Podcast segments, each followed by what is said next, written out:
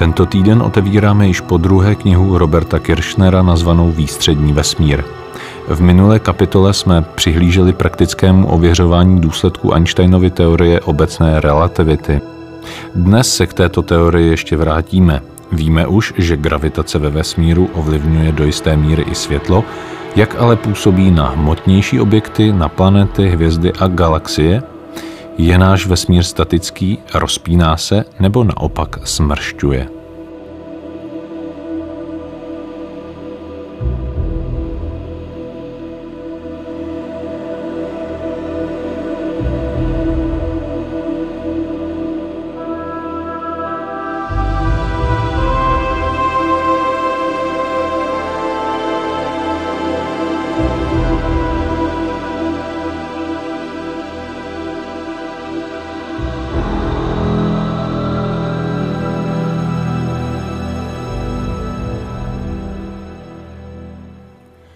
Einsteinova původní formulace obecné relativity připouští buď rozpínání nebo smršťování celého vesmíru. V roce 1917 informoval Einsteina William de Sitter o tom, že rychlosti hvězd ve vesmíru, tedy v mléčné dráze, jsou malé a nenaznačují žádné rozpínání ani smršťování kosmu. Na základě toho přidal Einstein do svých rovnic dodatečný člen obsahující kosmologickou konstantu A, a to i přesto, že původní rovnice bez ní byly elegantnější. To umožnilo existenci řešení, o němž se Einstein domníval, že popisuje věčný a statický vesmír. Kosmologická konstanta A poskytla prostoru vrozený sklon expandovat, což Einstein potřeboval, aby vyvážil gravitační přitažlivost hmoty a vesmír tak mohl být statický, což bylo opravdu pozorováno, tedy pokud šlo o mléčnou dráhu.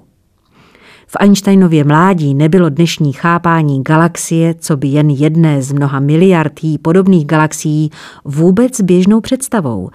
V některých směrech počet slabých hvězd ubýval a proto astronomové správně usoudili, že žijeme ve sploštělém systému připomínajícím disk. Výsledkem toho byla představa, podle níž byla mléčná dráha celým vesmírem. Pomalé rychlosti hvězd naznačovaly, že tato soustava se ani nerozpíná, ani nezmenšuje, prostě si jen klidně a netečně spočívá. A přesto do roku 1930 vzali naprosto všechny tyto představy za své a s nimi i Einsteinova kosmologická konstanta A. Jasně byla rozpoznána naše skutečná poloha daleko od středu galaxie. Mléčná dráha začala být jen jednou z mnoha ekvivalentních galaxií a bylo prokázáno, že se celá struktura vesmíru rozpíná. Tento objev učinil další významný astronom Edwin Powell Hubble. Abychom s nás pochopili, jak k tomuto pozorování došlo, použijeme příměr z akustiky. Určitě znáte charakteristický průběh zvuku automobilu, když se kolem řítí po dálnici.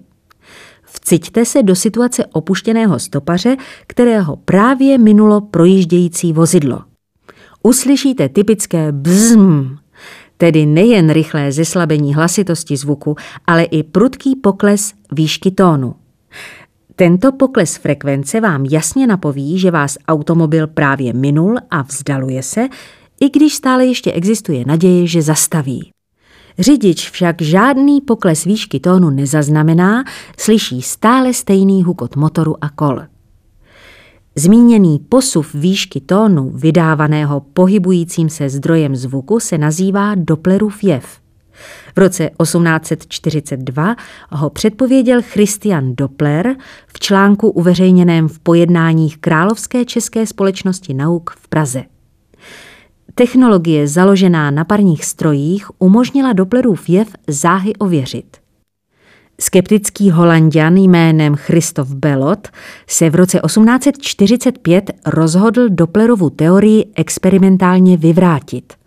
Umístil na železniční vagon skupinu trubačů a vedle trati rozestavil posluchače s dobrým hudebním sluchem. Oproti Belotovu očekávání posluchači změnu výšky tónu opravdu slyšeli. Když je trubači minuli, zaznamenali pokles zhruba o jeden půl tón. Dopplerův jev je pro nás dnes zcela běžný. To proto, že používáme stroje, které se pohybují rychlostmi nezanedbatelnými vůči rychlosti šíření zvuku. 18-kolový tahač se po dálnici řítí 12% rychlostí zvuku a příslušná změna výšky, když vás mine, odpovídá zhruba rozsahu čtyř kláves na pianu. Nemusíte být ani hudebně nadaní, abyste něco takového rozpoznali. Dopplerův jev pravděpodobně nebyl běžný pro kromaňonce. Neměli totiž dálnice, tahače ani trumpety. Pokud jde ale o Dopplerův jev týkající se světla, jsme na tom stejně jako naši předci. Ani pro nás není běžnou záležitostí. Projevuje se změnou vlnové délky světla, kterou vnímáme co by barvu. Když se k nám atom přibližuje, je mírně posunuta do modra a naopak posunuta do červena, jestliže se atom od nás vzdaluje. Protože však rychlost světla milionkrát převyšuje rychlost zvuku, je posuv v barvě světla milionkrát menší než posun ve výšce zvuku. Leží proto hluboko pod hranicí rozlišení. Vraťme se ale zpět k původní otázce, zda je vesmír statický, nebo zda se rozpíná, nebo naopak smršťuje. Astronomové měří rychlosti hvězd právě z tohoto posuvu vlnové délky absorpčních nebo emisních čar ve hvězdném spektru. Jak? Dalekohledem pozbírají světlo, rozloží ho hranolem a poté pečlivě proměří vlnové délky čar.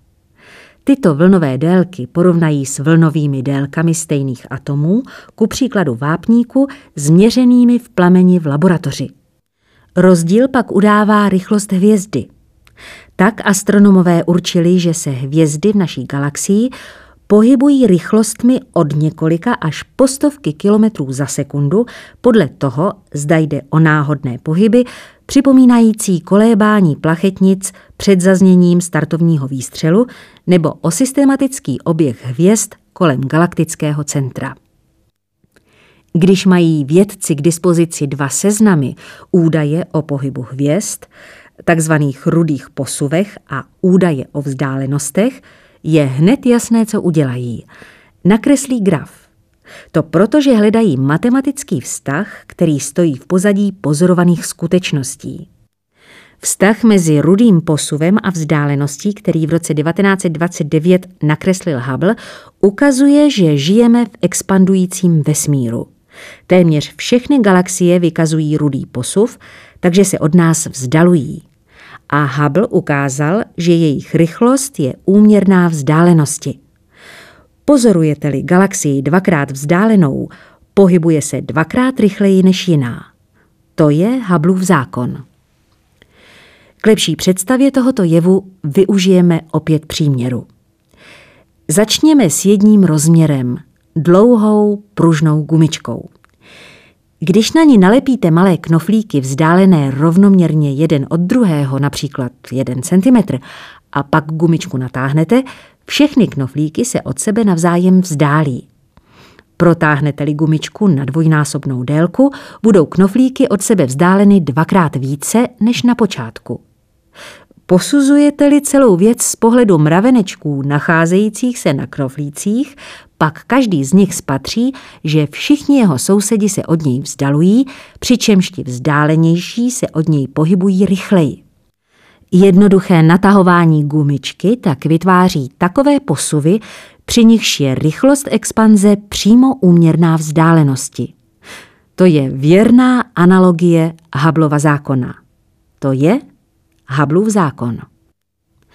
V kuchyňském trojrozměrném příměru byste byli hrozinkou v kinoucí Vánočce. Jak se Vánočka během pečení všemi směry rozpíná, ostatní hrozinky se od vás vzdalují v souladu s Hablovým zákonem. Kosmická expanze nijak nesouvisí s existencí okraje, ani nevyžaduje existenci středu. Každému pozorovateli se zdá, že se prostor lokálně zvětšuje a on sám je uprostřed tohoto rozpínání. Zatímco Dopplerovi trubači jedoucí na vagonu mohou jasně demonstrovat souvislost mezi pohybem a výškou tónu, Kosmologický rudý posuv je přece jen něco trochu jiného. Je dobré představovat si rudý posuv jako efekt vznikající tím, že zatímco k nám letí světlo ze vzdálené galaxie, vesmír se mezi tím rozpíná. Světlo bylo hvězdou daleké galaxie vysláno s danou vlnovou délkou, délkou, která je určena kvantovou mechanikou. Tato vlnová délka se během letu světla roztáhla v důsledku kosmické expanze. Čím delší cesta, tím větší rudý posuv. To je Hubbleův zákon. A tak představa mléčné dráhy jako celého vesmíru, kde jsou pohyby hvězd natolik malé, že je nelze měřit, přivedla Einsteina na legendární cestí k omylu jménem kosmologická konstanta A. Šlo ale skutečně o omyl, nebo se věda ke kosmologické konstantě po necelém století opět vrátí?